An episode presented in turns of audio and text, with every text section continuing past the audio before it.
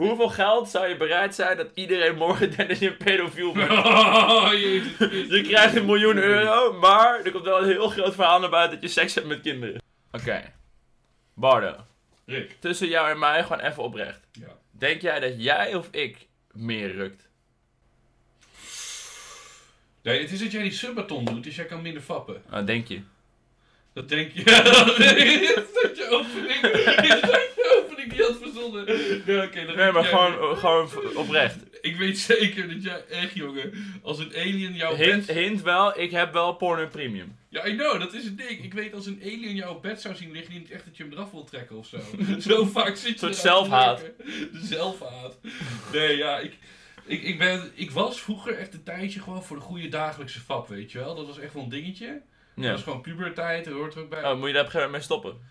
ja, als je dit me vraagt. Die memo heb ik niet gekregen, zeg maar. In ieder geval, vandaag gaat de podcast over privacy. Oh ja. En het grappige was, eh, we waren een beetje aan het discussiëren van, yo, kunnen we wel een uur lang praten over privacy? Mhm. En toen zei ik, we kunnen al beginnen met vertellen dat we wel eens betrapt zijn eh, op masturberen. En toen liet Bardo zijn lijstje zien met onderwerpen voor de podcast. En hij had ook staan op nummer 1, masturberen. Ja, de fap, de fapperoo staat De Fapperoo. by far nummer 1 gewoon. Ben je ooit betrapt tijdens fapje leggen?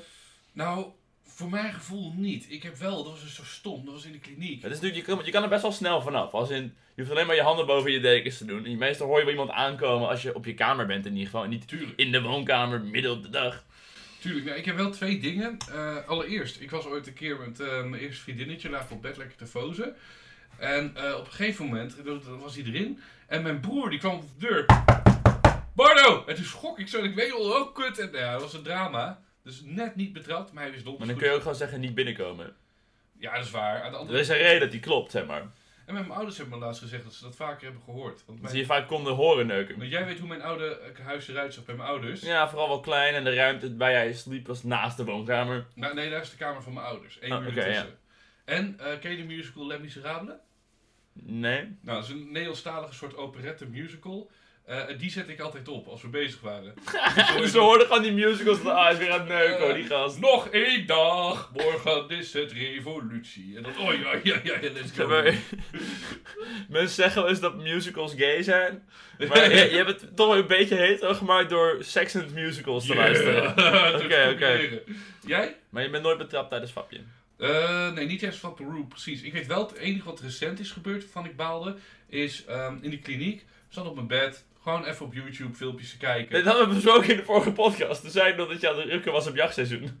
Ja, dat, dat, dat, dat idee van de vorige podcast. Sorry, ik val nu aan de herhaling. Nou, ik heb dus wel één flex verhaal. Oké, oké, oké. Ik had dus ooit een keer een trio. Ja? Ehm, met, met twee vrouwen per, eh, te- voor de extra informatie. En toen, eh, dit was nog toen ik met mijn moeder woonde. En toen klopte mijn broertje opeens op de deur. nee. En ik dacht, als hij nu binnenkomt, ziet het er veel te weird uit dat ik met twee vrouwen in bed lig. En toen is één van de twee zo in een soort balletje zo onder het deken gaan liggen. Nee. En dan heb ik zo de deur open gaan met, yo bro, wat is er aan de hand? Ik wou niet te hard op hem flexen. Ik dacht, het is een beetje... Het zou ook wel cool zijn als je daar gewoon ligt, zo met twee dames op je... Eh, allebei je armen en een, een, een dame. En zeggen, yo, hey, alles goed, wat moet je? Grote broer is even bezig. Het is een beetje hoe Tyrion begon in Game of Thrones. Die had ook al die hoeren om zich heen. Ja, zo voelde ik me ook wel. Nee, ik heb gewoon één dame verstopt, de ander wel blijven. Oké, oké. Godsamme, maar die ene die bleef, was dat je vriendin of had je die gewisseld? Eh, geen commentaar. Oké, oké. ik moet me denken, ik had dat zo mooi. eh, een vriend van mij, ik, had ooit, ik was toevallig gisteren bij mijn moeder. En eh, mijn moeder spreekt de laatste tijd heel veel dingen van die gebeurd zijn en zo. Een van de beste dingen die ik ooit met mijn moeder heb gedaan, was dat die vriend van mij kwam langs. En ik zei tegen mijn moeder, zometeen komt, volgens mij was het Stef, komt Stef langs.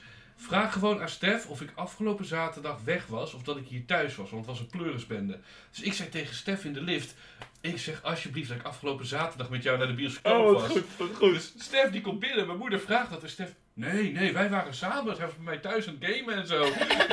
en ik keek mijn moeder ook aan. Ik zei tegen hem, dankjewel man, boombox. En Stef, what the fuck? Mooie test. Als je ooit wilt testen of je vrienden loyaal aan jezelf zijn, vraag of je moeder je hierin wil helpen. Maar eh, in ieder geval vandaag onderwerp privacy. Ik denk dat we het niet alleen maar over ketsen gaan hebben. Ik heb ehm, een dingetje gedaan, wat mij leuk leek hiervoor. Ja. Eh, ik heb namelijk eh, een paar van die douchegedachtes eh, bij elkaar gesprokkeld. Oké, over privacy. Over privacy. Ehm, hier bijvoorbeeld, ehm dus misschien iets minder privacy, maar ik vond het wel leuk, aangezien medisch dossier en zo. Doktoren die redden niet levens, ze stellen alleen de dood uit. Dus eigenlijk maken ze van mensen een soort menselijke snoesbuttons. Zoals je je wekker af en toe op snoes drukt, zo worden mensen dan... Nou ja. nou ja, als jij stervende bent en, je, en ze voorkomen dat, hebben ze wel op dat moment je leven gered. Toch? Ja, maar sommige mensen gaan hoe dan ook dood. Alleen iets Iedereen later. gaat sowieso hoe dan ook dood, Dus ja. dan word je een soort snoesbutton. Nee, ik vind, ik vind dat we nu wel heel snel aftakken van het onderwerp privacy. Oké, ik ga naar iets meer Ik vind het leuk dat je een keer een gedachte had, maar... Deze dan. Casino's, die hebben waarschijnlijk geweldige beveiligingsbeelden van mensen die helemaal gek worden omdat ze al hun geld zijn verloren. Alleen, ze mogen dat nooit eh, vrijgeven wegens slechte publiciteit. Oh, dat is sowieso wel waar, denk ik. Dat denk ik ook. Ik denk dat sommige mensen die hebben echt gewoon hun hele leven op rood gezet en dan wordt het zwart en dan ben je alles kwijt. Ik heb wel eens gezegd, als ik echt heel depri ben of heel erg geldprobleem heb, ga ik gewoon mogelijk geld lenen. Ja. Zet ik gewoon alles in op rood. Dan kan ik het of gewoon verdubbelen en heb ik weer geld, of het ben gewoon alles kwijt en maak mezelf gewoon vakant. Zou je dat echt doen? Nou, als ik toch al mezelf vakant wil maken, is het een betere strat om dat nog te proberen. Ja, dat lijkt me wel dope om één keer in mijn leven gewoon die 10.000 op rood te flikkeren. Moet je wel eens 10.000 hebben. Dat is zeker waar. En ik ga niet direct als 10.000 hebben. ik hoorde laatst zo'n hele goeie van die, eh, volgens mij is dat 10% regel over je geld.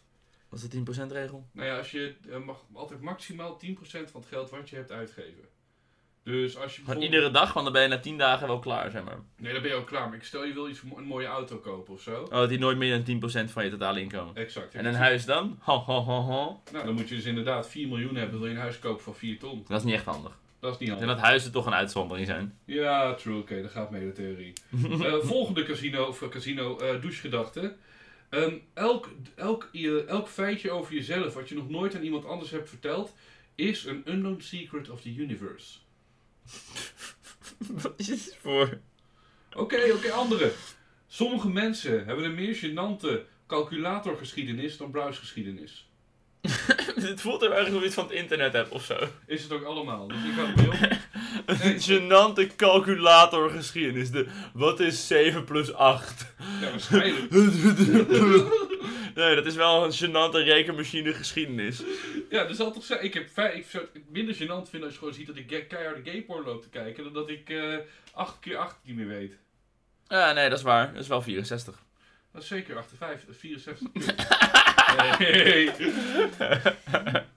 God, Rick, jij hebt het uitgedacht, dit onderwerp. Wat, eh, waar wil je naartoe? Oh, kut, ik had het uitgedacht, dit onderwerp. Ehm, Moet ik anders even van mijn lijstje dingen opgooien? ja, maar dan niet, niet de douchegedachten. Oké, wat vind je van deze? Ik heb wel eens nagedacht, wat nou als gewoon alles wat we hebben gedaan, dat zal ergens geregistreerd zijn, weet je wel. Mensen hebben toegang tot alles wat we ooit hebben bekeken. Hoeveel euro zou jij ervoor over hebben dat jouw browsergeschiedenis nooit openbaar komt? Dat iemand jou kan chanteren? Hmm, ik denk dat er echt te weinig interessante dingen in mijn browsergeschiedenis Ja? staan. Dat ik... Er is vast wel iets, dat stukje privacy, maar... Maar jij zit vast op dingen die jij out of context gewoon moeilijk kan gaan Ja, het is meer, meer out of context, denk ik. Weet je wel, ik heb wel eens eh, uit een soort scheikundige interesse dingen op zitten zoeken over zenuwgassen en explosieven. maar dat is dan meer een soort nerdy interesse, weet je wel. Mm. Of eh, vanwege een discussie, bijvoorbeeld, ik heb laatst weer heel uitgebreid zitten uitzoeken of je nou wel of niet naakt mag zijn op plekken. Eh, hoe de re- regelgeving is rondom seks hebben in bijvoorbeeld bossen. Ja, dat meer omdat ik de regelgeving op zich interessant vind. Dingen zoals, mag je poepen in de bebouwde kom? Maar ik weet ook, jij was bijvoorbeeld degene die mij toen aankwam met een eh meme-site voor echt, echt extreme memes. Dat was echt zes jaar geleden. Oh, wat was het ook Ja, alweer? Hidden lol. Hidden LOL, dat was echt fucked up. Dat was Ja. echt een meme website met alleen maar extreem racisme. Mhm. En echt heel veel gore. Gewoon echt zo'n foto van een gewoon compleet opgeblazen lichaam met organen overal. Zat er gewoon bij YOLO. dat is echt een beetje het niveau humor. Maar die hele site bestaat echt al jaren. Er wordt er gewoon niks meer opgepost of zo. die is verwijderd ook geloof ik. Die website was gewoon te fucked up, broeder. We hebben En- gewoon die hele website. Het was niet oké wat ik daar gedaan heb. Nee, maar ik, ik weet, als ik jou dan iets toestuurde ervan, zei jij altijd, ja die ken ik al, lol. dan zat ik hem zo, wat? Je kende alles al. Ik denk in ieder geval dat je echt wel een goed punt hebt dat dat soort dingen bijvoorbeeld, hele erge duistere memes Mm. of nou toch mogelijk rare racistische memes. Dat zijn toch dingen die als je dat uit een soort context ziet, dat mensen wel een heel verkeerd beeld van je Oh. krijgen. 9000, maar dat, dat is ook een ding. Kijk, ik, ik weet gewoon, Rick, jij hebt echt shit naar me doorgestuurd destijds. Ik ook naar jou voor de duidelijkheid. Het is niet eenrichtingsverkeer. Wij hebben wel een browsergeschiedenis waarbij als je een beetje dingen gaat plukken zo. Als je een soort compilatie maakt waar je gewoon de naarste shit bij elkaar gooit en zegt dit is Bardo. Is het wel van, oké, nou, mm, ja, dit is echt, we kunnen onszelf afschilderen als de meest nare mensen die ooit hebben bestaan op de hele aardkloof. En daar ben ik een beetje zorgen om. Dat ik denk, wat zou jij over hebben om jezelf daarin te beschermen? Voor, voor eh, die content, dat dat niet naar buiten komt. Hoe ver zou je daarvoor willen gaan? mm, vind ik heel moeilijk. Zeg maar, hoe openbaar wordt het? Weet iedereen dit meteen? Krijgen ze allemaal een pushmelding dat dit Riks internetgeschiedenis beste, naarste momenten is nu beschikbaar? Of moet iemand echt handmatig overal doorheen gaan scrollen? Ik zou zeggen, een soort van de fappening. Dan kon je gewoon op de fappening.com kon je klikken op de BN'er die je wou zien en dan kon je daar alles van lezen. Hmm. En sta jij er ook tussen. Ja, maar ik vind, ik vind het in ieder geval heel moeilijk om daar een bedrag aan vast, aan, vast te knopen. Dat ik denk van, oh, voor duizend dan wel of niet. Uiteindelijk is het ook alleen maar hoe erg vind je het wat andere mensen van je vinden natuurlijk. Ja, Het enige nadeel wat ik ervaar is dat andere mensen een ander beeld van mij krijgen. We hadden toevallig laatst bij jou op stream ook een soort gesprek hierover. Dat was toen met eh, Don. Don de Jong over... eh, hij had Don over- Kaaklijn, niet Don de Jong. Of sorry, Don Kaaklijn. Dat, eh, over dat je uit elkaar getrokken wordt door een paar mannen. Ja, was, heb je liever dat je zeg maar een soort grote orgie hebt met allemaal mannen en dat niemand het ziet? Of heb je liever dat deze orgie niet gebeurd is, maar iedereen heeft wel de beelden? Ja, dat iedereen denkt dat je het hebt gedaan. Dus. Wat heb je liever? Dat je, ik, ik vond jouw versie met het broodje poep eigenlijk leuker. Heb je liever dat je een broodje poep eet? Of dat iedereen denkt dat jij een broodje poep gegeten hebt?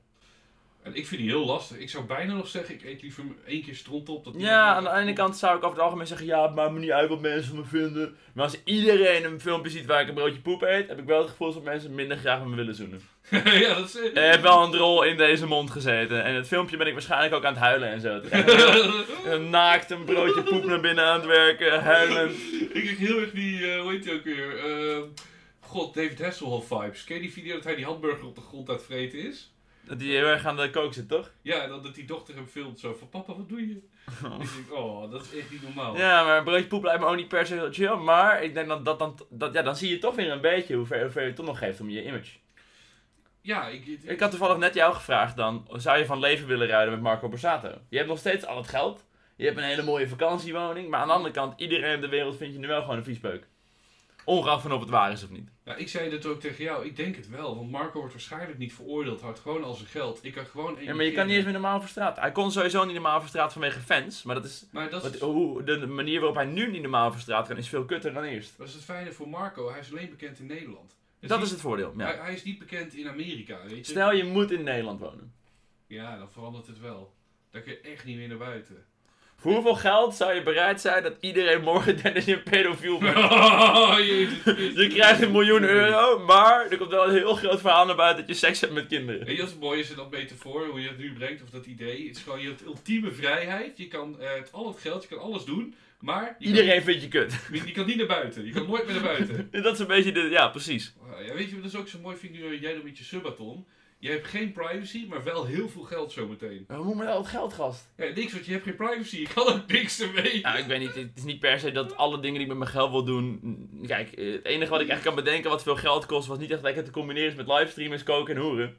Nee, precies. En voor de rest valt het wel mee. Maar ik ben denk ik sowieso een beetje op een punt gekomen dat ik niks doe met mijn geld. Het staat gewoon op mijn rekening een beetje te chillen. Maar volgens mij is voor jou je bankrekening, en dat vind ik heel knap voor jou, is volgens mij hetzelfde als gewoon dat ene Twitch-getalletje.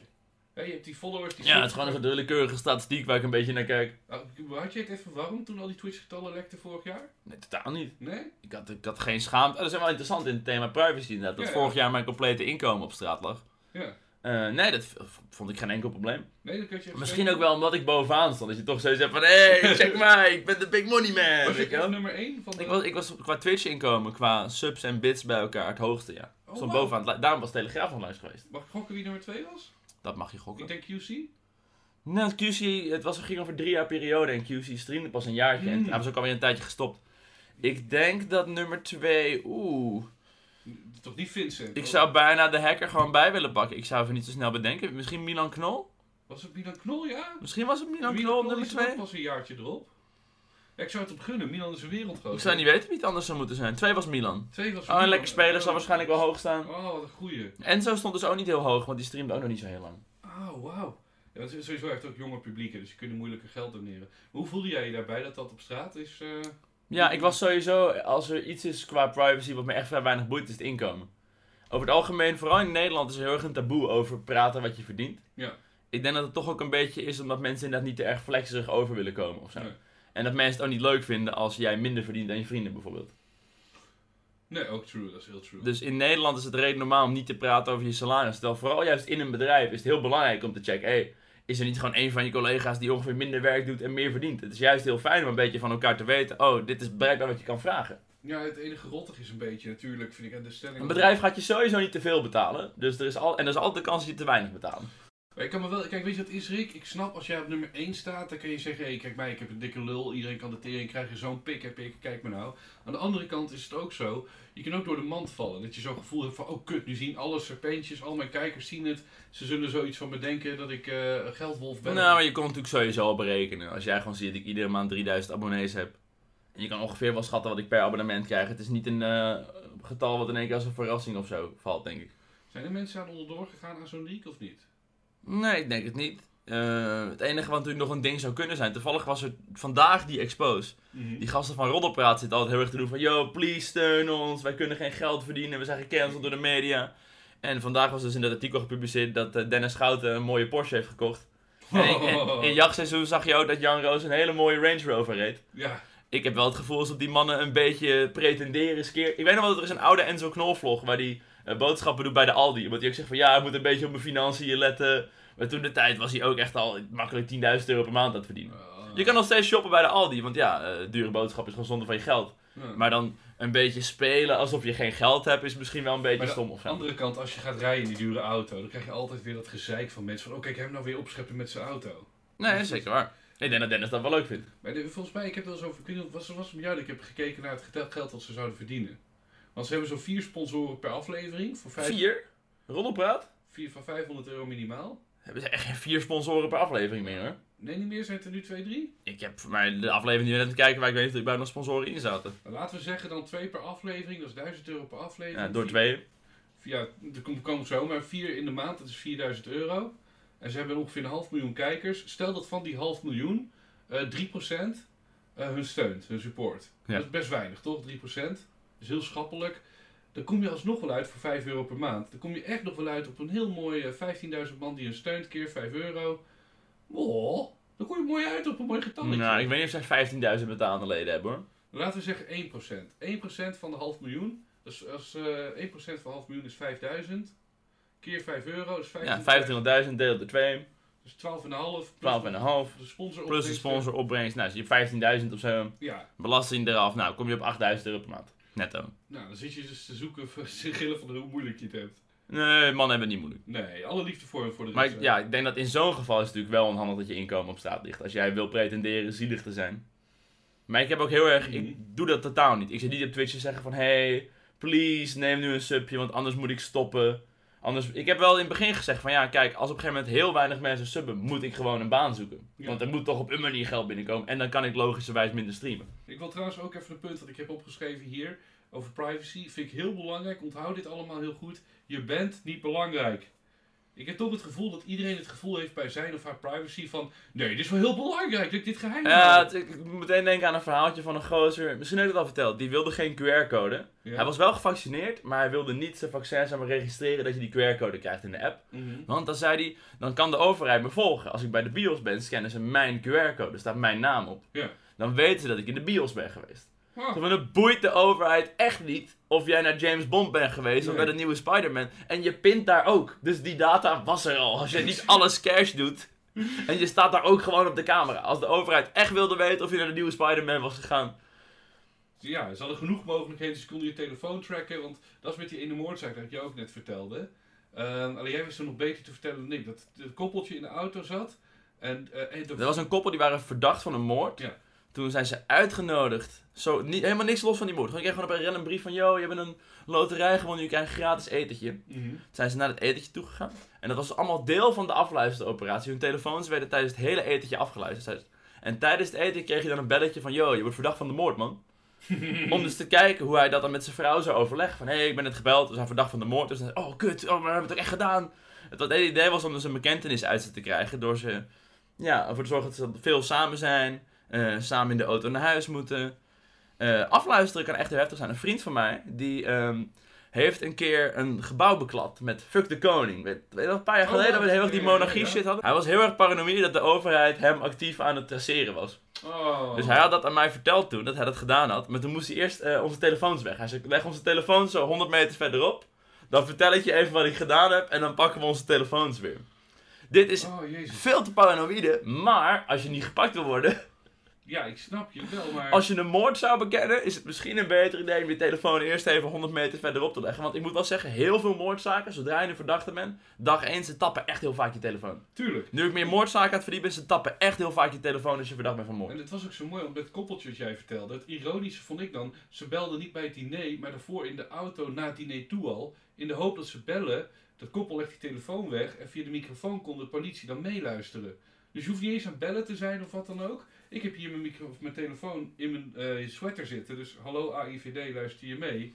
Je weet ook maar nooit of ze nu aan het luisteren zijn. Maar terug naar jouw oorspronkelijke ding inderdaad. Je bent niet belangrijk. Nee, je bent echt niet belangrijk. Uiteindelijk is er misschien wel echt een reden om alle data van iedereen te willen verzamelen. Mhm. En misschien dus dat je op een gegeven moment in een soort Chinees systeem dat je mensen gaat proberen te sturen. Dus bijvoorbeeld als jij eh, niet vaak genoeg naar je ouders gaat of door rood rijdt, dan gaat je social credit score omlaag. Ja. Maar het boeit niet de Chinese overheid specifiek welke boodschappen jij doet. Nee, tuurlijk niet. Het boeit ze niet of je de een of de andere cornflakes koopt. Aan de andere kant, het is wel belangrijk enigszins om het... Het is raar wat ik ga zeggen, om het toch in kaart te brengen. Zoals bijvoorbeeld die Anders Breivik. Ze wisten dat hij een boerderij had. En ze wisten dat hij al die producten kocht. Dat was al lang in kaart gebracht. Je weet nog wie Dat hij anders... allemaal wapens kocht en explosieven en zo. Eh, eh, dus materiaal waarmee je explosieven kon maken. Maar ze dachten, ah ja, die man heeft een boerderij, who gives a fuck. Alleen die eh, hoeveelheden die hij kocht waren zo groot... dat best wel de overheid één keer naar binnen had kunnen gaan. Maar ze namen die data niet serieus. Hm. Om die aanslag te voorkomen. Ik vind Dus het in dat- Nederland altijd zo gigantisch knap dat er zoveel aanslagen voorkomen worden. We hebben echt nooit aanslagen en wel vaak berichten van, yo, groep van acht jihadisten opgepakt die in een, eh, een of ander woonwagenkamp een aanslag aan het voorbereiden waren. Dan denk ik, huh? Hoe dan? ja. ik vraag me oprecht af of het mij dan wel zou lukken om een aanslag te plegen. Want Want... Over privacy. Weet je hoe die aanslagen toen bij Bataclan en zo gepleegd waren? Via PlayStation 4's. Omdat PlayStation 4's niet te traceren waren destijds. Communiceerden ze via PlayStation 4 berichten. En nee, via de online gaming. Dus kon je gewoon online gamen. En dan in voice chat gewoon potje Call of Duty, daar je aanslag bespreken. Exact, daar hebben ze dat ingepland destijds. What the fuck? Dat was zeg maar zo. Dus, Ik, ik moet dit googlen, ik geloof niet dat dit een ding het is. was toen bijna zeker via PlayStation. Zoals het toen Ik ga nu Bataclan PS4 googlen. Ja, doe even Terrorist Playsta- PlayStation 4. Ik weet niet of het Bataclan was. Oh, eh. doe even eh, Attack Attack PlayStation. Plant. Dit is ook een raar zoekresultaat eh, voor de IVD. Ja, hier worden ze niet blij mee. Did Paris terrorists really use PlayStation 4 to plan attacks? Ja. Dit was degene Van de de Telegraph. die toen was. Ja, hier. Zie je? Telegram kan je nog decoden, geloof ik. Nee, ze hebben echt een aanslag gepleegd via PS4, man. Ja, echt via de PlayStation 4. Dus eh dit is trouwens geen hint naar de mensen die het willen doen. Maar ja, dus de, Parijs-aanslagen van eh, 2015 zijn toen via de PlayStation 4 gegaan. Dat is echt, echt bizar. Nu moet ik opeens denken aan eh, die kijker van mij. Die ooit mij... eh ken je dat verhaal nog? Eh, aanslag Efteling. Oh ja, ja, ja. ja die ook op een Wikipedia-pagina staat. Ja. Een kijker van mij had toen dus getweet. Vanaf Serpent Gameplay Fan 123, heette de Twitter-account. Ik ga een aanslag plegen in de Efteling. Uitroepteken 1, uitroepteken 1, uitroepteken 1. Mhm. Mensen die een beetje vaker op het internet zitten weten dat uitroepteken 1 is een beetje sarcastisch, toch? Ja. Het is een hele rare tweet.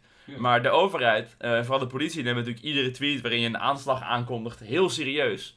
Eh, de meeste mensen kondigen hun aanslag niet, niet aan. Dat is niet Mhm. heel praktisch. Maar ja, als er wel een bom afgaat en het stond van tevoren op het internet en ze hebben niks gedaan, is het ook zo lullig natuurlijk. Nee, dat ben je de lul. Dus er stond een pop bij mij in de deur omdat ze dachten dat ik Serpent Gameplay fan 1, 2, 3 was. Ze hadden Serpent Gameplay gegoogeld, zagen, hé, dat is Rick Broers. Oh. En toen heb ik nog die guy gedm van, hey, eh, leuk eh, account, waar woon je? En toen heb ik de politie zo die kant opgestuurd. Ja, ik, ik, ik moet ook ik moet denken aan die keer dat jij ook via de chat eh, Frans-Duits hebt doodverklaard. Hier denk ik liever niet te veel aan terug. Heb je daar spijt van? Ik heb daar zeker spijt van. Ik dacht op dat moment dat het heel grappig was om gewoon te zeggen, jongens, ik had toen sowieso dat vaker. Dat als ik live was, 100 kijkers, ik kwam erachter dat Twitter trending worden is heel makkelijk. Ja, tuurlijk. Als je gewoon met 100 man allemaal een bepaalde hashtag tweet, wordt het gewoon Twitter trending. Ja. Dus ik dacht, weet je wat, laten we allemaal hashtag RipFransDuits tweeten. Aha, dan is Frans-Duits dood. En toen bleek er best wel paniek te zijn. Mensen om Frans-Duits heen die opeens dachten van, what the fuck, Frans-Duits is dood. Ah, En ja, toen- voor de naaste. Best wel veel voor de naasten. Dat is super stressvol opeens je dat tegenkomt. Je kan er voor de rest niks over vinden. Je ziet alleen maar die hashtag voorbij komen. Ja. En toen later is het nog een keer gebeurd bij Enzo Knol. Via een soort meme-accounts. Ja, ja, dat klopt. En toen dacht ik al van, ja, wat is het? Toen zag ik ook in één keer in, als je er vanaf buitenaf naar kijkt, van ja, dit is echt super kut. Ik was dan al van mening dat het super kut was, maar... Het is met name voor die naaste van Frans-Duits. Ik, ik kan me inderdaad indenken, als je wakker wordt en dat leest, je schrik je de tyfus, de touwtyfus gewoon. Ja, waarschijnlijk heeft hij op een gegeven moment een heleboel gemiste oproepen gehad of zo. En mensen omheen van, yo, is, is het waar? Heb je ooit contact gehad met Frans om een sorry te zeggen? Nee, weet niet dat ik het was. Nee, maar ik vind het ook grappig, want je privacy kan dus ook echt aangetast worden door een derde. In dit geval Snottaap uit Schagen destijds.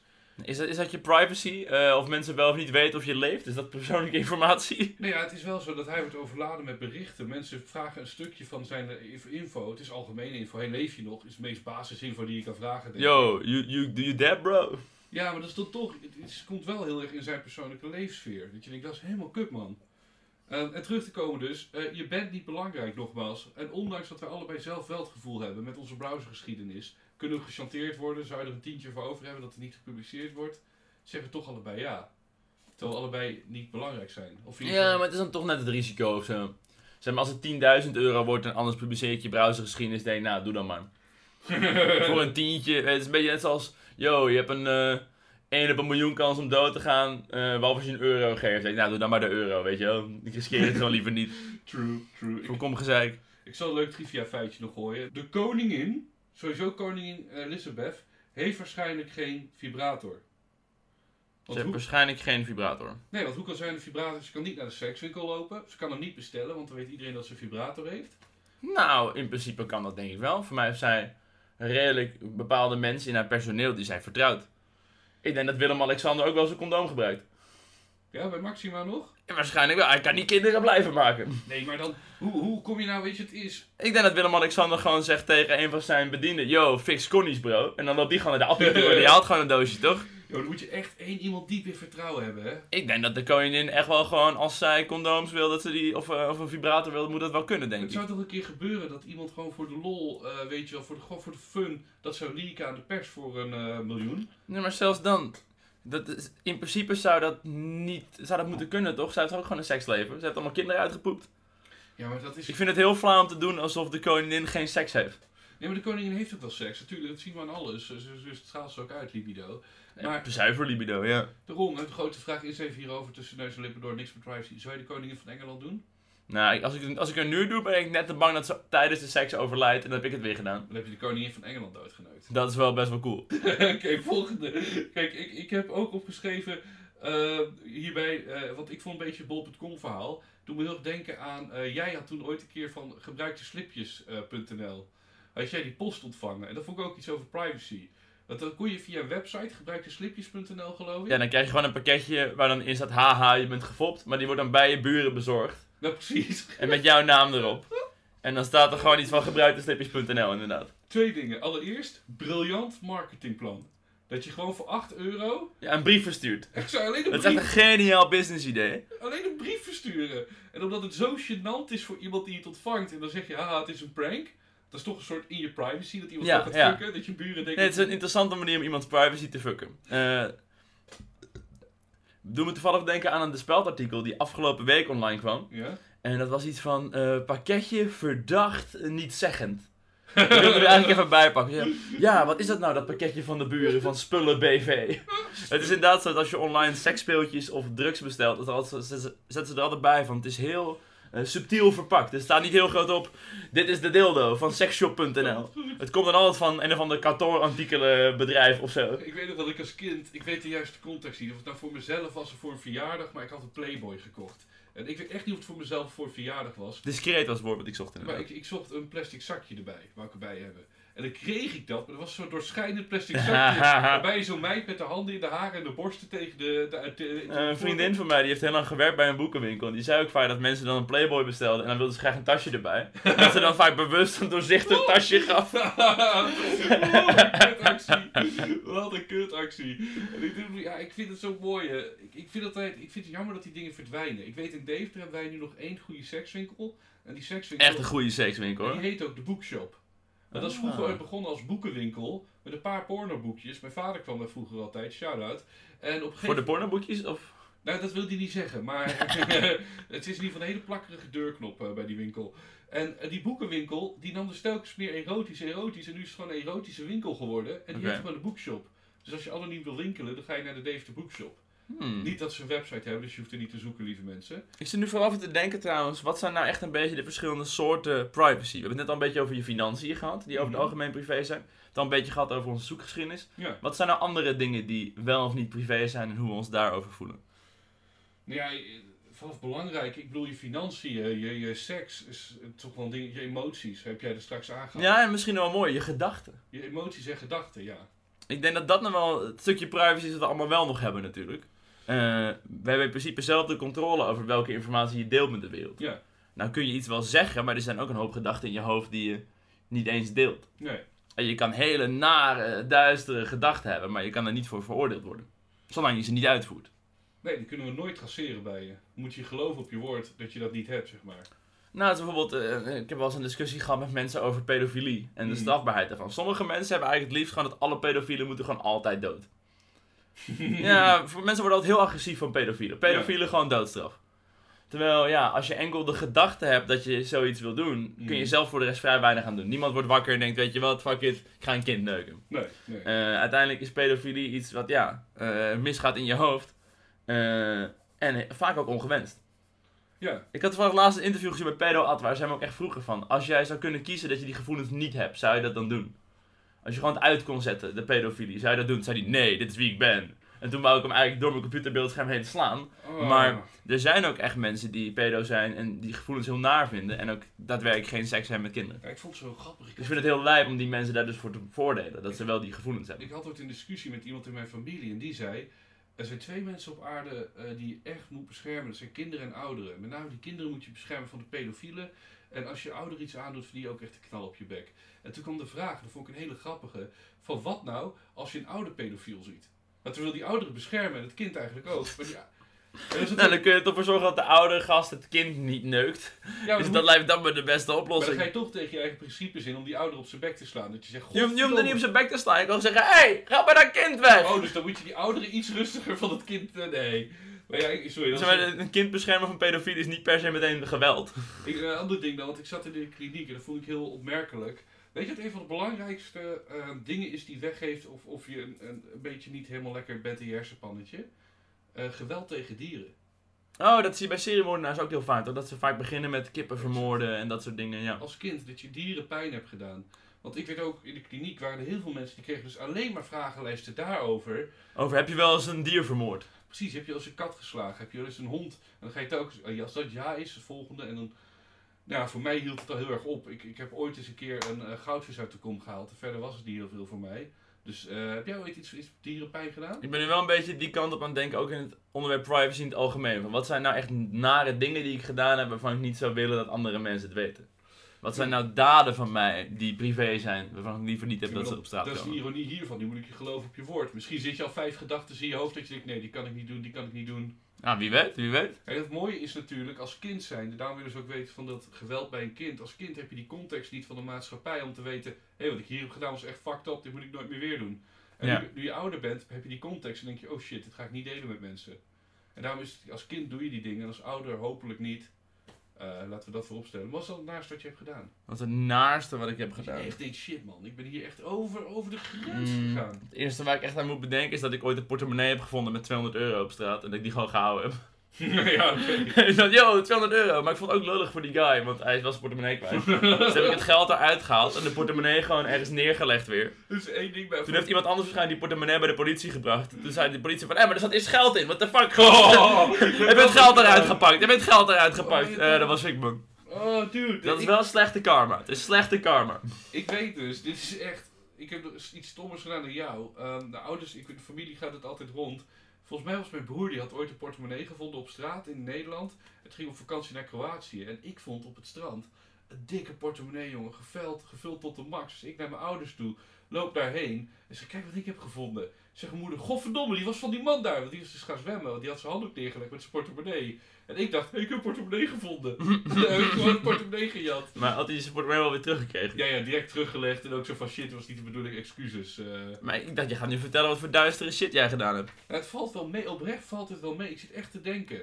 Er is ooit een goudvis overleden, daar was ik heel verdrietig om. Maar het Eh, ging meer per ongeluk dan toch? ja, ik ben ooit op de kat of de, de staart van mijn kat gaan staan. Ja, dat ook ik per van. ongeluk. Nee, we willen iets, iets wat je bewust naar hebt gedaan. Ja, ik heb, je, hebt, je hebt ook nog niks. Ik heb tenminste bij de Ik goudvis... zei dat ik gestolen heb. Ik heb 200 euro gestolen. Ja, ik heb dit het portemonnee van een man gestolen. Nee, maar je, dat begreep je niet. Ik begreep heel bewust dat ik die gast geld aan het jatten was. Ja, ik heb ook wel uit de supermarkt zit een keer gejat. Heb ik Aha! Aha! Ah, nu hebben we hem, we hebben hem. Ik Bel de politie, bel de politie. Ik heb laatst een paprika gejat bij de appie. Heb je een paprika gejat bij de Ja, Aldi? ik stond heel lang in de rij. En ik vond die appie echt kut. En ik had zo die paprika in mijn hand. Ik dacht, weet je wat? Mijn paprika. Ik scan hem gewoon niet. Nou, weet je wat ik dus wel heb? Omdat het echt, de tijd dat ik heb gestolen is echt lang geleden inmiddels. En als ik nu per ongeluk iets jat, ik heb het een keer gehad dat ik een zo'n sixpack Red Bull niet had gescand. Dan heb ik later, oeh, oeh, ja, ik ben er zo Een weer. vriend van mij zegt altijd, bij de zelfscan is alles gratis. Bij de zelfscan is alles gratis. dat was toen ook. Ja, god, ik sprak laatst zo'n gozer. Die was aan het braggen, jongen. Dat ze hij met de studentenkoor. Of studenten, weet ik veel hoe je dat doet. Studentenmensen. eh, die hebben dus een eh, hele airfryer mee weten te jatten uit Albert Heijn. dus je denkt, je hebt gewoon even een zakje chips gescand en met de airfryer naar buiten gerend. You, let's go.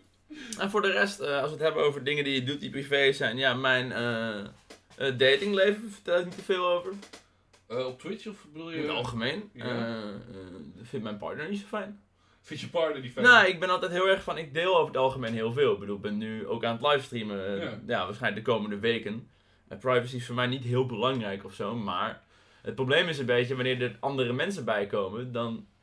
Zeg maar, je mag van mij alles weten, maar als het over mij en een andere persoon gaat, dan wordt het natuurlijk iets gecompliceerder, want dan deel ik ook iets van iemand anders. Zo, ja, ik heb hier nog een quoteje neergeflikkerd. Ehm, ehm, wij haten de boomers voor het vernietigen van de huizenmarkt. En onze kinderen gaan ons haten voor het vernietigen van de privacy.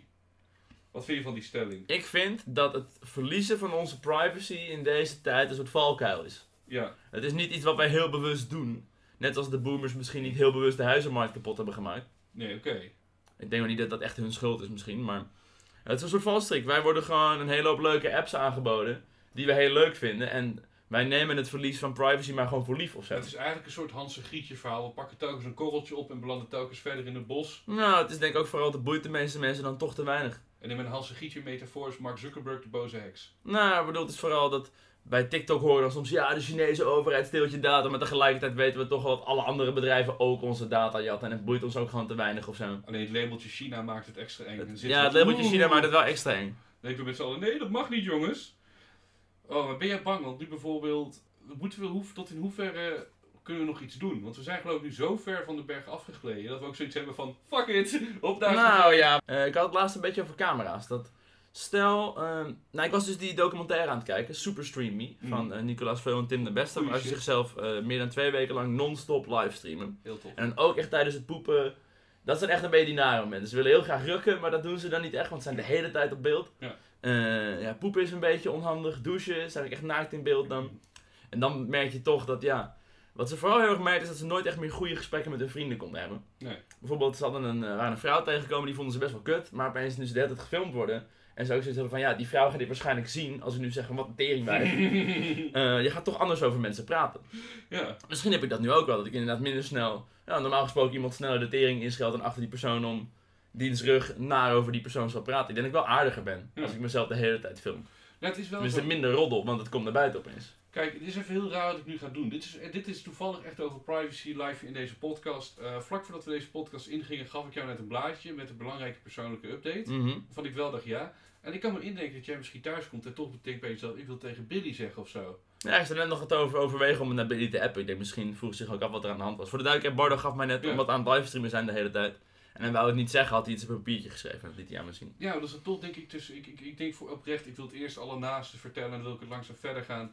Maar ik kan me denken dat voor jou bijvoorbeeld, jij zit hele tijd met die camera om je heen. Jij kan nergens echt naartoe om dit te delen of te sparren. En ik kan ook niet per se naar jou toe om erover te praten, zeg maar. Nee, ik ben ook een beetje eh, onbereikbaar emotioneel voor dat soort dingen, omdat ik ook aan het livestreamen ben. Ja, je bent zo in een tunnel en, en het is heel grappig. Het is nu 5 januari, het is letterlijk de vijfde dag van je subathon. En je hebt al zo'n zo'n roadblock, weet je. Ja. Niks te nadelen voor de duidelijkheid. En niet dat ik Maar wat ik in ieder geval wilde zeggen over het verlies van onze privacy. eh, wat een beetje verschil is tussen die documentaire waar ze zichzelf actief filmen en mensen echt meekijken. Mhm. En ons huidige verlies van privacy is dat het toch wel anders is. Als in stel, er hangen op iedere hoek van iedere straat camera's. Ja. Ik zou het nog steeds wel durven om naakt door de straat te rennen of zo. Ja? Want er is niemand op dat moment echt actief naar die camera aan het kijken. Er hangt wel een camera, maar dat is meer als er een ongeluk is gebeurd of een moord. Dan gaan ze achteraf door de beelden heen. Ik heb niet het gevoel dat als ik bij een willekeur, willekeurige camera in mijn naakje sta, dat die beelden meteen op het internet belanden of zo. Maar je hebt toch ook wel eens als dan van... Dat is toch heel anders dan wanneer je jezelf bewust uitzendt en je weet dat er dan mensen kijken. Maar toch is het toch op zaterdagavond in grotere steden als Tilburg en zo, weet je wel, eh, Leiden, studentensteden. Daar zitten mensen echt via die camera's te monitoren wie daar lopen. Nou, alsnog zullen die beelden niet snel gedeeld worden, toch? Nee, die beelden worden niet snel gedeeld. Zien dat er wel opeens politie komt om eh, te arresteren. Maar vind jij, het, vind het de moeite waard dat je dus altijd bekeken wordt? Ehm, maar ze zullen niet direct op je afkomen, maar je wordt wel altijd bekeken voor je eigen veiligheid. Vind- vind je Hmm, ik, ik, heb het liever niet. Ik vind dat, dat is een beetje de afweging privacy versus veiligheid. Net zoals Ja. dat al die terroristen keer opgepakt worden voordat ze een kans krijgen. Op een gegeven moment ga je gewoon moeten zeggen, yo, het is jammer dat we één keer per jaar een aanslag hebben, maar het zou niet chill als iedereen al onze berichten kan lezen. Nee, Dan moet je er toch een keer zeggen van, oké, op een gegeven moment gaat de ruil gewoon te ver. Ja, je moet gewoon ergens die grens trekken. Ik, ik vond dat net ook met jou. Ik liep met jou en eh, Davy natuurlijk naar buiten om uh, Babi Pangang te halen en Rotti. Mhm. En jij kaartte dat direct aan uit zo'n camera die daar hing. En toen dacht je inderdaad van ja, over 50 meter weet ik dat de volgende camera die daar hangt. En dan steeg je daar links hangt er nog één. Ik denk als wij op Google Maps een rondje zouden tekenen om alle camera's hier in Dordrecht. Dan krijg je best wel een flinke rondjes hoor. Hm. Dan denk ik dat er weinig plekken zijn waar je niet bekeken wordt. Ja.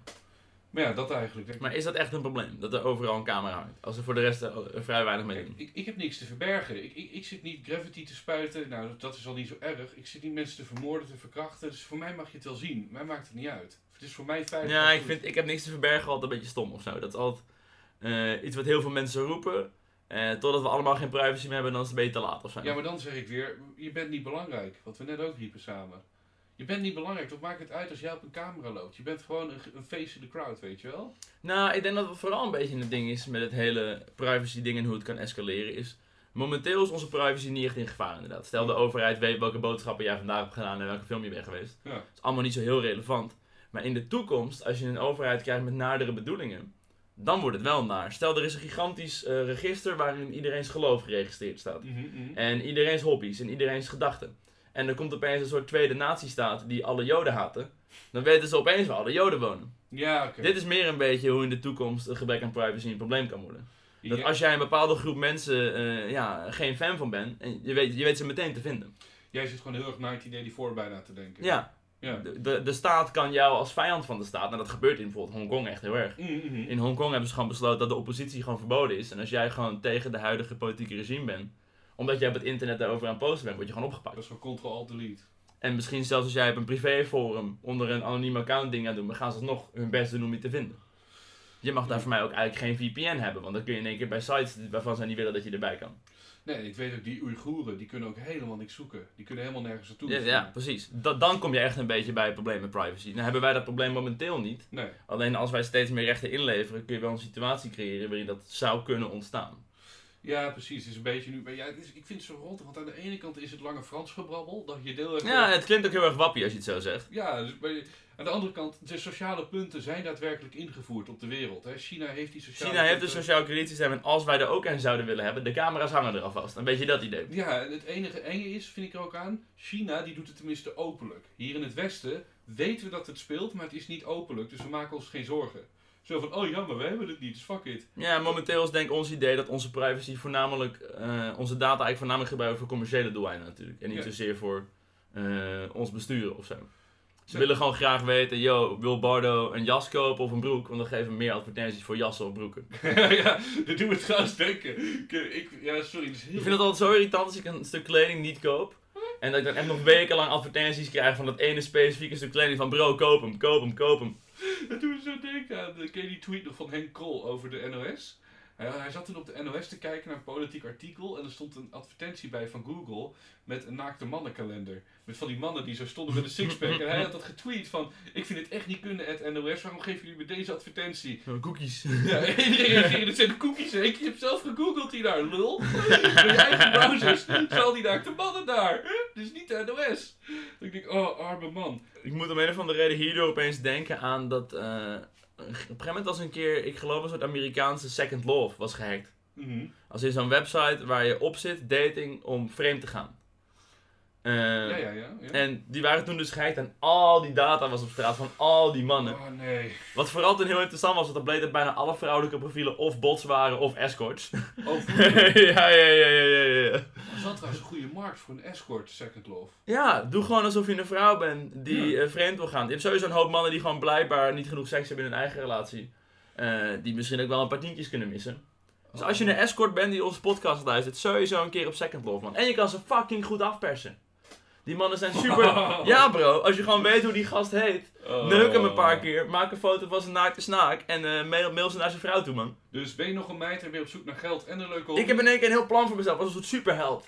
Dat is dus super... Superheld, als, het werkt beter als je een vrouw bent. Op Second Love met een heleboel mannen in de bed gaan en dan bij allemaal hun vrouw erover berichten achteraf. Ik heb het gevoel dat vroeger was het hele ding, althans vorig jaar was het hele ding pedojagers. Dit jaar wordt het hele ding vreemdgangjagers. Vreemdgangjagers, vreemdgangjagers, woe! Oh man, je maakt een heel nieuw show Ik vind dit oprecht wel vet. Ik heb hier bijvoorbeeld nog een leuke... Mijn moreel kompas draait rondjes momenteel, echt. oh god, deze summaton loopt uit de hand. Ik heb er nu geen zin in. Ik heb hier nog voor jou bijvoorbeeld. Eh, vind ik interessant.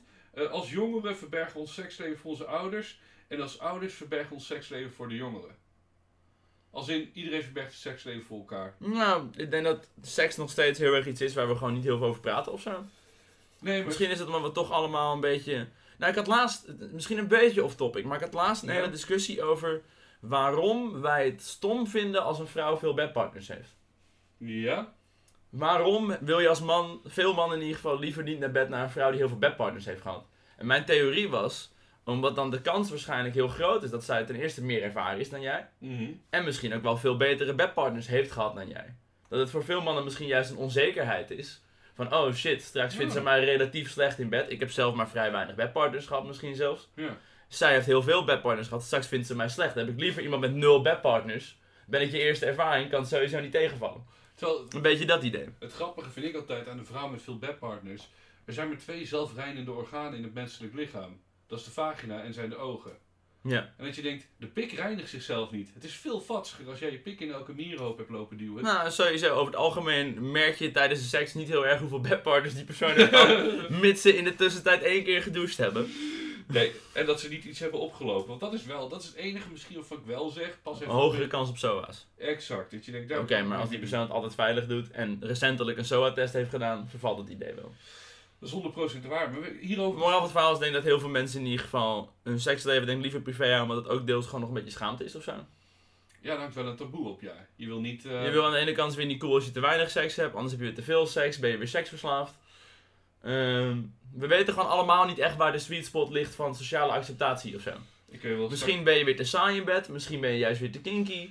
We weten allemaal niet echt hoe de ander erover denkt, omdat we er zo weinig over praten. Het is wel belangrijk dat je de sweet spot weet te vinden in bed uiteindelijk. Dat Ajejo. zeker. Ajejo. Hier bijvoorbeeld eentje die ik ook wel grappig vond als je het hebt over mensen langs gaan. Vroeger was het nog allemaal leuk en attent als je bij mensen langs ging. Nu ben je brutaal en raar. Als ik nu Nou, zo- spontaan bedoel je. Ja, spontaan. Dus zoals jij het voorbeeld bijvoorbeeld met Tony Junior vertelde je net. Dat je bij de Ikea was, je ging naar Tony toe en die was net even een dagje bezig. Ja. Eh, die had even wat anders te doen. Nee, vroeger, ehm, vandaag de dag hebben de meeste mensen denk ik gewoon heel erg hun dag uitgepland. Ja. Dus het is gewoon niet gewenst als er opeens iemand voor de deur staat. Ik heb liever dat je het even zegt, dan kan ik opruimen. Dan kan ik tijd voor je vrijmaken, dan schrijf ik wat dingetjes. Terwijl vroeger was dat heel leuk. Dan dacht je, oh, Rick staat hier voor de deur. Ja. En nu, nu misschien is het ook zo dat... Ik heb het dus laatst inderdaad een keer geprobeerd bij Tony, dat ik toevallig echt praktisch naast zijn huis stond, gewoon aangebeld. En toen was ik van, bro, waarom ben je bij mijn huis? Ik vind het Had je dat niet even kunnen zeggen of zo? Want als jij bij mijn huis zou zijn bijvoorbeeld, en je was onaangekondigd nu in Deventer, zou ik ook zeggen, ah kut, ik ben hier in Dordrecht, ik ben hier in Deventer, voel ik me toch schuldig of zo ook. Ik denk toch wel naar. Vind ik, ik Ja, wat als ik nou toevallig toch al een straat ernaast was? Dan maar dan niet, heb ik weinig te verliezen, toch? ja dan, dan was het mooi, maar ik Maar het is wel kut als ik spontaan eh, twee uur ga rijden naar je huis en je bent er dan niet. Nee, maar dat. Maar dan heb ik het ook een beetje zelf gedaan. Ik had je ook gewoon een appje kunnen sturen. dat heb je het inderdaad zelf gedaan. Maar ik vind het gewoon grappig hoe het moreel van het verhaal een beetje verdraaid is. En doordat we allemaal zoveel sociale contacten hebben via internet, eh, social media, dan heb ik het gevoel dat we allemaal meer behoefte hebben aan privacy. Dat je een beetje die deuren dicht kan doen en kan zeggen, even niet vandaag. En als er iemand op die deuren komt bonken, van laat me binnen, dan denk je ook rot op. Nou, je kan ook gewoon zeggen nee. Dat denk ik dan ook en dat zeg ik dan ook. Ah, oké. Maar dat voel ik me toch wel een beetje bezwaard. Uh, andere bijvoorbeeld, uh, dat ik heel leuk vond. Uh, we zijn daar. ik kan niet eens niet eens. Andere, even een knip. Sorry voor, de, voor je edit. Ik ging het toch al kapot knippen. Ja, dat gevoel had ik ook al, jongen. Deze bijvoorbeeld. Als een bedrijf zegt, we value your privacy, dat is meestal, betekent meestal tegenovergestelde. Dan zijn ze juist attent op je privacy en dan willen ze juist die data binnenharken om het door te verkopen. Uh, dat weet ik niet precies. Ik heb nooit echt opgelet welk bedrijf dit wel en niet zegt.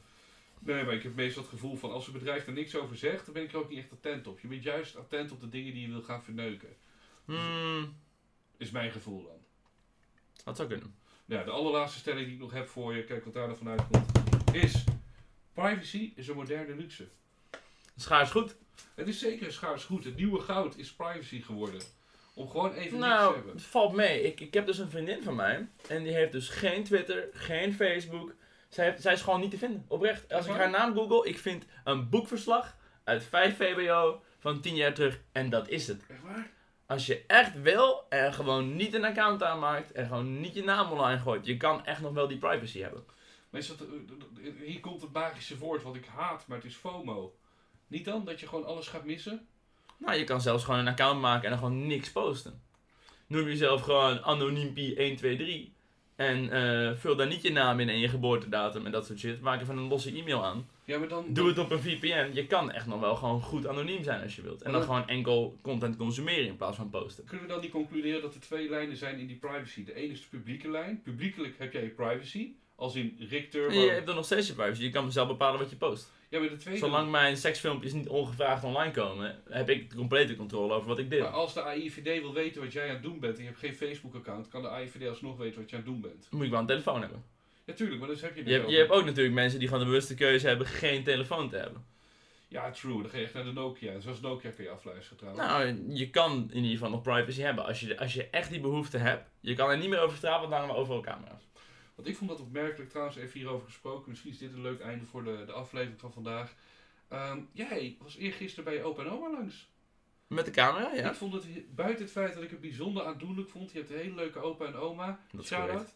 Eh, ik vond het wel cool dat we die camera binnenlieten. Dat ze niet zeggen, Rick, flikker op maar met je camera. Ik zie je over een jaar. Nou, mijn oma is sowieso een van mijn grootste fans hoor, van mijn streams en zo. Maar je oma kijkt dit ook, dit, dit, dit nu. Nou, zij zegt altijd dat ze niet zoveel kijkt. Ja, ik kijk niet veel hoor.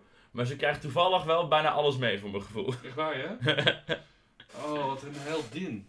Volgens mij heb je ook een hele leuke oma. Dat zeker een leuke oma. Maar ik vind het gewoon leuk hoe je opa en oma, die hadden dan eerder altijd die grens van, we hebben alleen een huistelefoon en dan hebben ze een mobiele telefoon en dan zitten ze toch in één keer op Twitch naar jou te kijken. En dat, Ja, ze zijn mee met de tijd. dat vind ik best wel cool, maar dat vind ik ook grappig om te zien hoe die oude generatie aan het meestromen is aan hand van de dingen die jij nu aan het doen bent. En dat brengt me eigenlijk bij het laatste ding van je subathon. Hoe kijk je hier nu tegenaan? Ga je ook kakken op stream? Nou, ja, dat is dan toch een stukje. Het is ook deels gewoon moeite om de camera mee te nemen. En voor mij is het wat moeilijker, want ik kan gewoon mijn pik niet laten zien op stream. En ja, ik, meestal doe ik gewoon mijn broek op mijn knieën als ik aan het kakken ben. Ja. Dus het is ook gewoon heel onhandig. Dan ben ik heel erg aan het kutten met camerahoeken en zo. Ja, Dan vind ik het toch veel fijner om te zeggen, jongens, ik ben even kakken, ben met vijf minuten terug en dan stik je er maar in. Ja nee, precies. Ik vind kakken altijd... En het is ook, mijn kijkers laten ook gewoon toe. Ze worden niet boos als ik vijf minuten kakken ben met, yo, waar ben je? Je was al de hele tijd in beeld. Eh, maar ja, misschien als mijn kijkers heel streng waren, dat ze dat echt niet pikten, dat ik moet kakken op stream, dat ik het dan misschien wel zou doen. Ga je één keer een kakje doen op stream? Nou, wie weet, wie weet. Kijk, voor mij is de magische drie, en dan wil ik echt dat iedereen met zijn poten afblijft. Als ik een subathon ooit zou doen, no way. Dat is kakken, koken, douchen. Waarom koken? Ik weet, koken is heerlijk, man. Dan doe je alle shit samen, muziekje op. Ja, je flikkert gewoon de camera aan de hoek, doet alsof hij er niet is. Ja, dat, is, dat kan ook. Ik bedoel, ik ben niet naakt of aan het kakken, dat geef ik je. Maar ik vind het fijn om daar in een soort... Je kan gewoon echt niet koken. Jij Dat kan mogen, jij kan echt niet koken, dat mogen Ik- mensen niet zien. Ik kan, godverdomme, ik ben... Oh, oh, oh, Gordon Ramsay. Die kotst zo longer eruit te zien. Door, nee. Maar- Jij hebt niks, alleen dus douchen en kakken. Dus voor jou eigenlijk douchen, kakken, rukken zijn de enige drie die je zegt, die doe ik niet op stream. Eh, nou ja, ehm, ik denk dat vooral een beetje het ding is dat er misschien bepaalde dingen zijn die ik normaal wel zou doen, die ik nu niet doe omdat ik aan het livestreamen ben. Zoals? Eh, nou ja, misschien minder drugs gebruiken. Ja, oké, ja. Ook deels omdat het banbaar is, maar ook deels wil je dat doen. Ik, ik heb overwogen om tijdens de subathon gewoon een dag truffels te gaan doen of zo. Mhm. Ik heb ook zelfs overwogen, je kan op een gegeven moment als het open is gewoon naar een of andere ecstasy rave gaan. Gewoon ecstasy doen. Gewoon niet zeggen dat je het genomen hebt en het niet op camera nemen. Kun je gewoon met zulke grote doppen gaan staan en zeggen, ja, een paar biertjes gedronken. In principe eh, doe je niks verkeerd dan. Nee, dan doe je gewoon zonder brilletje op en dan zeg je... Ja, oh, wow, voel me wel lekker vandaag jongens, hoe gaat het met jullie? Zou je dat nog ooit doen op je subathon? Nou, aan de ene kant vind ik het heel leuk om taboes te doorbreken. Aan de andere kant heb ik dan toch het gevoel alsof het misschien commercieel wat minder interessant is. Maar we hebben het er één keer gehad over mijn kliniek, natuurlijk meegemaakt. Zie jij het niet mogelijk dat je een jaar lang geen harddrugs gaat doen dan? Ik kan prima een jaar zonder harddrugs. Ik, ik, ben, ik doe echt bijna nooit harddrugs. Maar je ziet het gewoon heel... Je ziet, vindt, lijkt het wel leuk om dat weer te doen of zo, dan bedoel je? Of... Het is ook wel wel grappig voor de stream natuurlijk. Oh, je echt... Ik ben ook wel bezig met interessante beelden maken. Dus dan kom je wel uit op die meme van dit is content. Het is ook wel gewoon, dit is content, ja.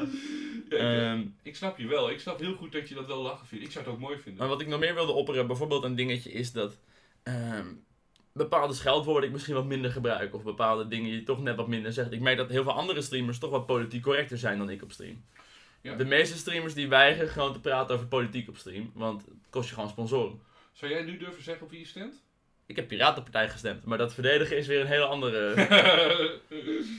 oh, wat goed. Ja, Ik gun ze heel erg die ene zetel. Kunnen ze moties indienen en misschien toch nog een beetje opkomen voor onze privacy. Toevallig dan wel weer eh, deze aflevering heel mooi.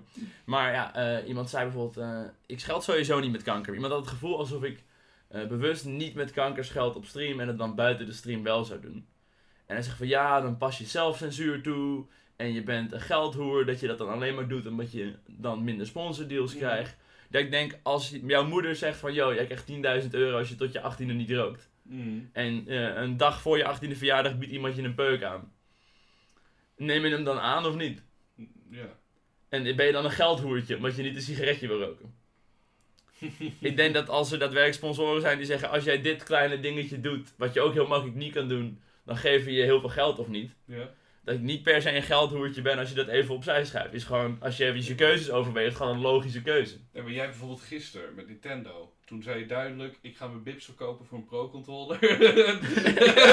Sorry, dat klinkt heel anders als Ik het wou wel die pro-controller, ja. Ja, die Pro-controller en een jaartje online op Nintendo. Alleen, als je dan gewoon even een paar keer niet kut piemel tering zegt, dan kan je gewoon misschien geld krijgen. Nee, Nintendo, eh, voor de duidelijkheid, ik had het met Bardo ook. Nou ja, Nintendo die sponsort echt alleen heel kindvriendelijke YouTubers. Ja. Ze hebben een bepaalde YouTuber een keer geweigerd omdat hij een diss track heeft gemaakt. Gewoon het concept diss track is al niet Nintendo. En durf je te zeggen wie? Nee, dat is niet mijn informatie. Maar, eh, zeg maar, Nintendo ligt zo ver bij mij vandaan. Ik weet nu al duizend procent zeker dat als, ik, als je één keer kut zegt op stream, word je niet gesponsord door Nintendo. Nee, En op dat punt moet ik mijn content zo erg aanpassen en zo'n niveau zelfcensuur doen om één keer een paar duizend euro te verdienen. Als Nintendo zegt, Rick, we willen je zo fucking graag hebben. Hier heb je een miljoen euro voor een jaar. Als je gewoon een jaar lang dit niet doet. Dat is wel een miljoen euro, maar ik denk, dat nog, ik denk dat ik het gewoon niet kan. Ik denk dat ik het gewoon per ongeluk ook al verneuk. Ja, oké. Maar dat is wel een beetje de afweging dus. Eh, ik denk dat ik momenteel mezelf minder censureer en minder inhoud om bepaalde dingen te zeggen dan anderen. En denk dat ik daardoor misschien ook meer zin heb in het, meer lol uit het streamen. Omdat ik minder bezig ben met wat kan ik wel en niet zeggen, welke onderwerpen moet ik vermijden. Ik zie te weinig andere streamers gewoon met hun chat discussie hebben over coronabeleid bijvoorbeeld. Want Ja, ja, true, je true, zou maar een keer wat zeggen wat niet perfect het ultieme pro-corona antwoord is. En ineens een beetje wappie uit de hoek komen. Dat zou je maar een sponsordeal kosten Maar natuurlijk. volgens mij, Rick, is het ook een beetje jouw persoonlijkheid altijd. Om een beetje tegen draads te zijn, om een beetje te schoppen. En als, als iedereen het wel had over het coronabeleid bijvoorbeeld, dan denk ik dat jij het expres niet had gehad over het Nee, coronabeleid. praten we niet over hier, sorry. Ga maar, naar, ga maar naar die andere streamers toe.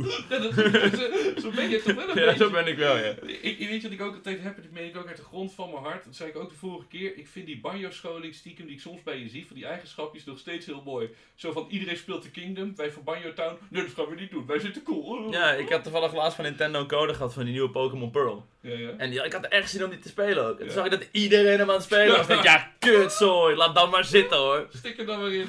Dus ik wil me ergens deze week eindelijk een keer eh, een kansje geven, nu iedereen er weer mee gekapt is. Ik vind die dingen ook mooi, want dat zijn wel... Sorry, er zijn heel veel topics voor privacy, maar dat zijn ook de dingen waar wij, waarmee je ooit begonnen op YouTube natuurlijk. Met Banjo Town voor mij dan, hè. Eh, dat iedereen had mooie verslagen en zo bij de Gamescom en wat dan ook. En wat deden wij met Rick? Dan ging je drie kwartier liggen als duivenvoer. Met die ene man die dat brood op je ging gooien en dan met de duiven eraf gingen eten. En dat vind ik wel cool, tegenstrijdige erin. Maar ik vind het ook tof dat jij nu, als het aankomt op advertenties, dat jij dan ook tegenstrijdig blijft zijn en durft te zeggen van ja, Nou, ik probeer dus wel een beetje die grens op te zoeken. Ik wil graag zoveel mogelijk mezelf zijn en hier en daar nog een leuk sponsordeeltje mee pakken. Ja, Maar ik denk dat dat prima kan. Ik denk als je kijkt naar de video's en streams die ik nu maak, dat het echt niet dusdanig verschrikkelijk is dat je denkt, dit kun je niet sponsoren. Ik ben geen hele rare gedachten aan het promoten. Eh, ik zeg geen dingen die compleet fucked up zijn. Ik ga alleen niet de discussie uit de, uit de weg. nee, nee, true. En hoe, ja, zou jij niet, zou je alle edges willen vermijden vanaf nu tot in de eeuwigheid? Nee, dat doe ik toch ook niet. Nee, maar ik, ik denk wel van bijvoorbeeld ehm riskante onderwerpen. Ik weet van heel lang geleden Zwarte Pieter verhaal natuurlijk. Ik heb best wel vaak over Zwarte Piet gepraat op stream. Maar ik denk als ik pro Zwarte Piet zou zijn, Ja. Het, het helpt ook wel dat mijn meningen vaak ook wel een beetje nog mijn, mijn kant op werken. Als ik heel, ik denk dat pro-Zwarte Piet zijn, bijvoorbeeld anti Er zijn best wel wat streamers eh, niet gevaccineerd. Mm. Maar die gaan dat echt niet op stream zeggen, want dat kost je gewoon heel... Ik ga ze nu opnoemen. Dames en heren.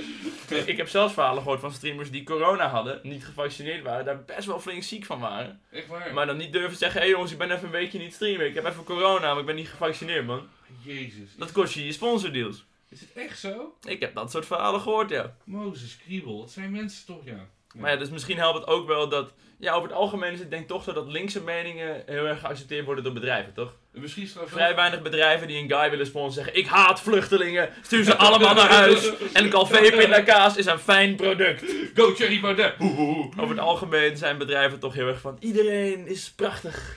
Ja, en ja. laat elkaar een grote Oh, knuffel geven en Calvé pindakaas eten. Ik word daar scheids, weet je, ik echt scheidsziek van word. Ik, ik gun alle liefde, echt alle liefde op aarde, vanuit de grond van mijn hart, voor de hele LGBTQIA movement. Ja, je hebt wel een hekel aan pinkwashing.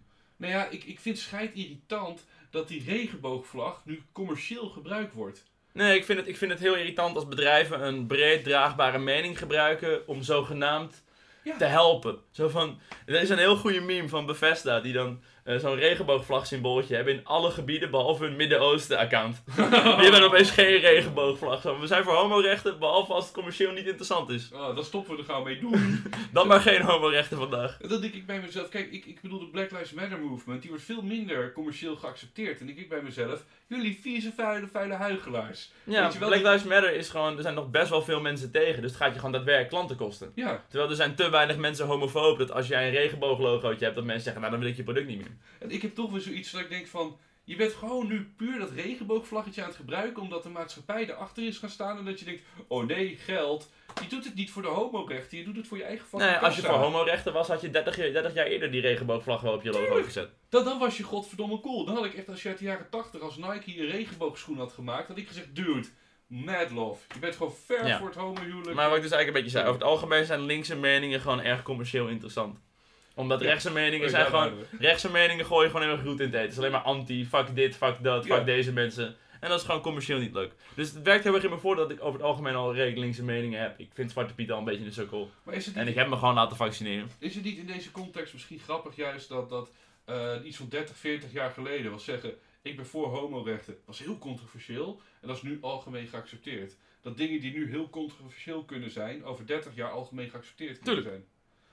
Misschien is dat ook een leuke conclusie zo. Maar het is niet over privacy conclusie. Ehm, ja, dat zien we zelf wel weer. Ja, dat is ook niet mijn probleem. Wat wel leuk is om te vertellen voor jullie. eh, volgende week is natuurlijk weer een nieuwe podcast. Oh, dat moeten we nog maar zien hoor. Nou, daar ga jij dus wel die namen opnoemen van de Twitchers die niet gevaccineerd En zijn. corona hebben gehad. Dus dat is leuk. Klik op volgen op Spotify. Klik op dat knopje. Ik wil graag toch nog één keer met het hele onderwerp terug naar porno, waar we zo mooi begonnen zijn. Natuurlijk, natuurlijk. Wat is nou de lijpste pornofilm die je ooit hebt gezien? Nou, geheid dieren shit. Uh, je hebt- ik heb een keer een chick gezien met een paard. Maar dat was ook iemand anders Ja. had mij dit opgestuurd hoor. Dus niet zelf opgezocht. Dat, niet bij mijn interesses liggen. ja, dat zou ik ook zeggen als ik jou was. Hey. Oude boevenbaas van de hele lol. Ja, ik had dus ooit een video gezien waar ze dus cornflakes maken in een chick de aars. Dus een soort handstand. En dan ene klem erop en dan cornflakes erin en dan melk. En dan eet die andere chick zo. Ja, dan kom je toch uit op die Two Girls One Cup. Ja, One Man, One Jar. One, ja, inderdaad, daar kom je toch Maar wat is nou het raarste waar ook daadwerkelijk op gerukt hebt? raarste waar ik op gerukt heb? Ik had dus best wel vaak, terug naar het vorige onderwerp. Misschien heb ik het toen ook al gezegd, als ik stoned ben, Mhm. dan word ik heel avontuurlijk in mijn porno gebruikt. Dan denk ik opeens van, oh, ik ruk normaal nooit op gangbangs, maar vandaag voel ik hem wel. ja, heb ik ook wel gehad. Ik heb wel eens een keer gefapt op hentai, gewoon om te kijken wat het met me Oh. zou doen, met mijn, met mijn ziel, met mijn innerlijke kern. Hey, shout-out naar mijn broeders van hentaihaven.com. Nee, ik wel gewoon een porno op hentai ingetikt. Oh, je bent er zo... Nee, ga naar Hentai Haven, oké? Dit is een expert, dit is, deze man hentai. ja. Deze man hentai. Ik ben van alle markten thuis. Maar wat is nou de lijpste porno op je gefapt hebt? De vraag Oh compleet over, over, over ontweken. Nou, ik heb gangbangs wel gezien. Ehm, ik heb, ja, de- eh, god. Eh, ik moet zeggen, het raarste porno die ik op legit wijze heb gevonden. Dus niet, niet als in dieren shit en zo. Geen glazen in je poepert. Eh, ik denk oprecht, dat is die Mickey Mouse. Er was zo'n filmpje van Mickey Mouse. Eh, met iemand tussen Mickey Mouse masker en Minnie Mouse. En dit vond ik gewoon heel grappig. Heb ik doorgestuurd naar iedereen. En Toen ik even opgerukt. ik denk de lijfste die me nu te boven schiet, dat is naast gangbangs, eh, hentai shit en zo. Ehm, ik denk oprecht zo'n porno-parodie gewoon. Zo'n Family Guy porn parody Nee, of zo. Scooby-Doo. Waarom maak jij dit ervan? Scooby-Doo niet. porn parody. Welke porn parodies heb je gezien? Ik heb de Scooby-Doo porn parody gezien. Heb je erop gevat? Ja, misschien. Is Scooby-Doo Bro, het was gewoon die ene chick met die bril. Ik val op nerdy dames. Wat kan ik zeggen? Wat kan ik zeggen? Komt Scooby ook de kamer Nee? Scooby-Doo zit er niet in. Het was gewoon die ene knappe guy met dat sjaaltje. Die een beetje gay is. Die guy. En zeg maar. Wat heet ze ook weer? Velma of zo. Weet je. Was gewoon wel. Ze had ook gewoon van die grote tieten, weet je wel. Jongens, we hebben genoeg gepraat over privacy. Bardo heeft gewoon de Phineas and Ferb porn parody gezien of zo. Lach maar, lach die maar. voorbij was Alice in Wonderland. Dat was een hele rare scène dat, dat Alice de lul van die Mad Hatter hard kreeg. Oeh, doe je nou Alice? Oh, jezus. Maar het is niet Scooby-Doo porn Bro, parody. Scooby-Doo porn was al sowieso beter, dus ga maar haten. Ik heb sowieso een betere fapje gelegd. En daarmee sluiten we deze aflevering van de podcast af. Oh, ik denk heel erg bij mezelf alleen maar. Wat een neuk. Tot volgende week. Druk op volgen. Tjallas. Doei.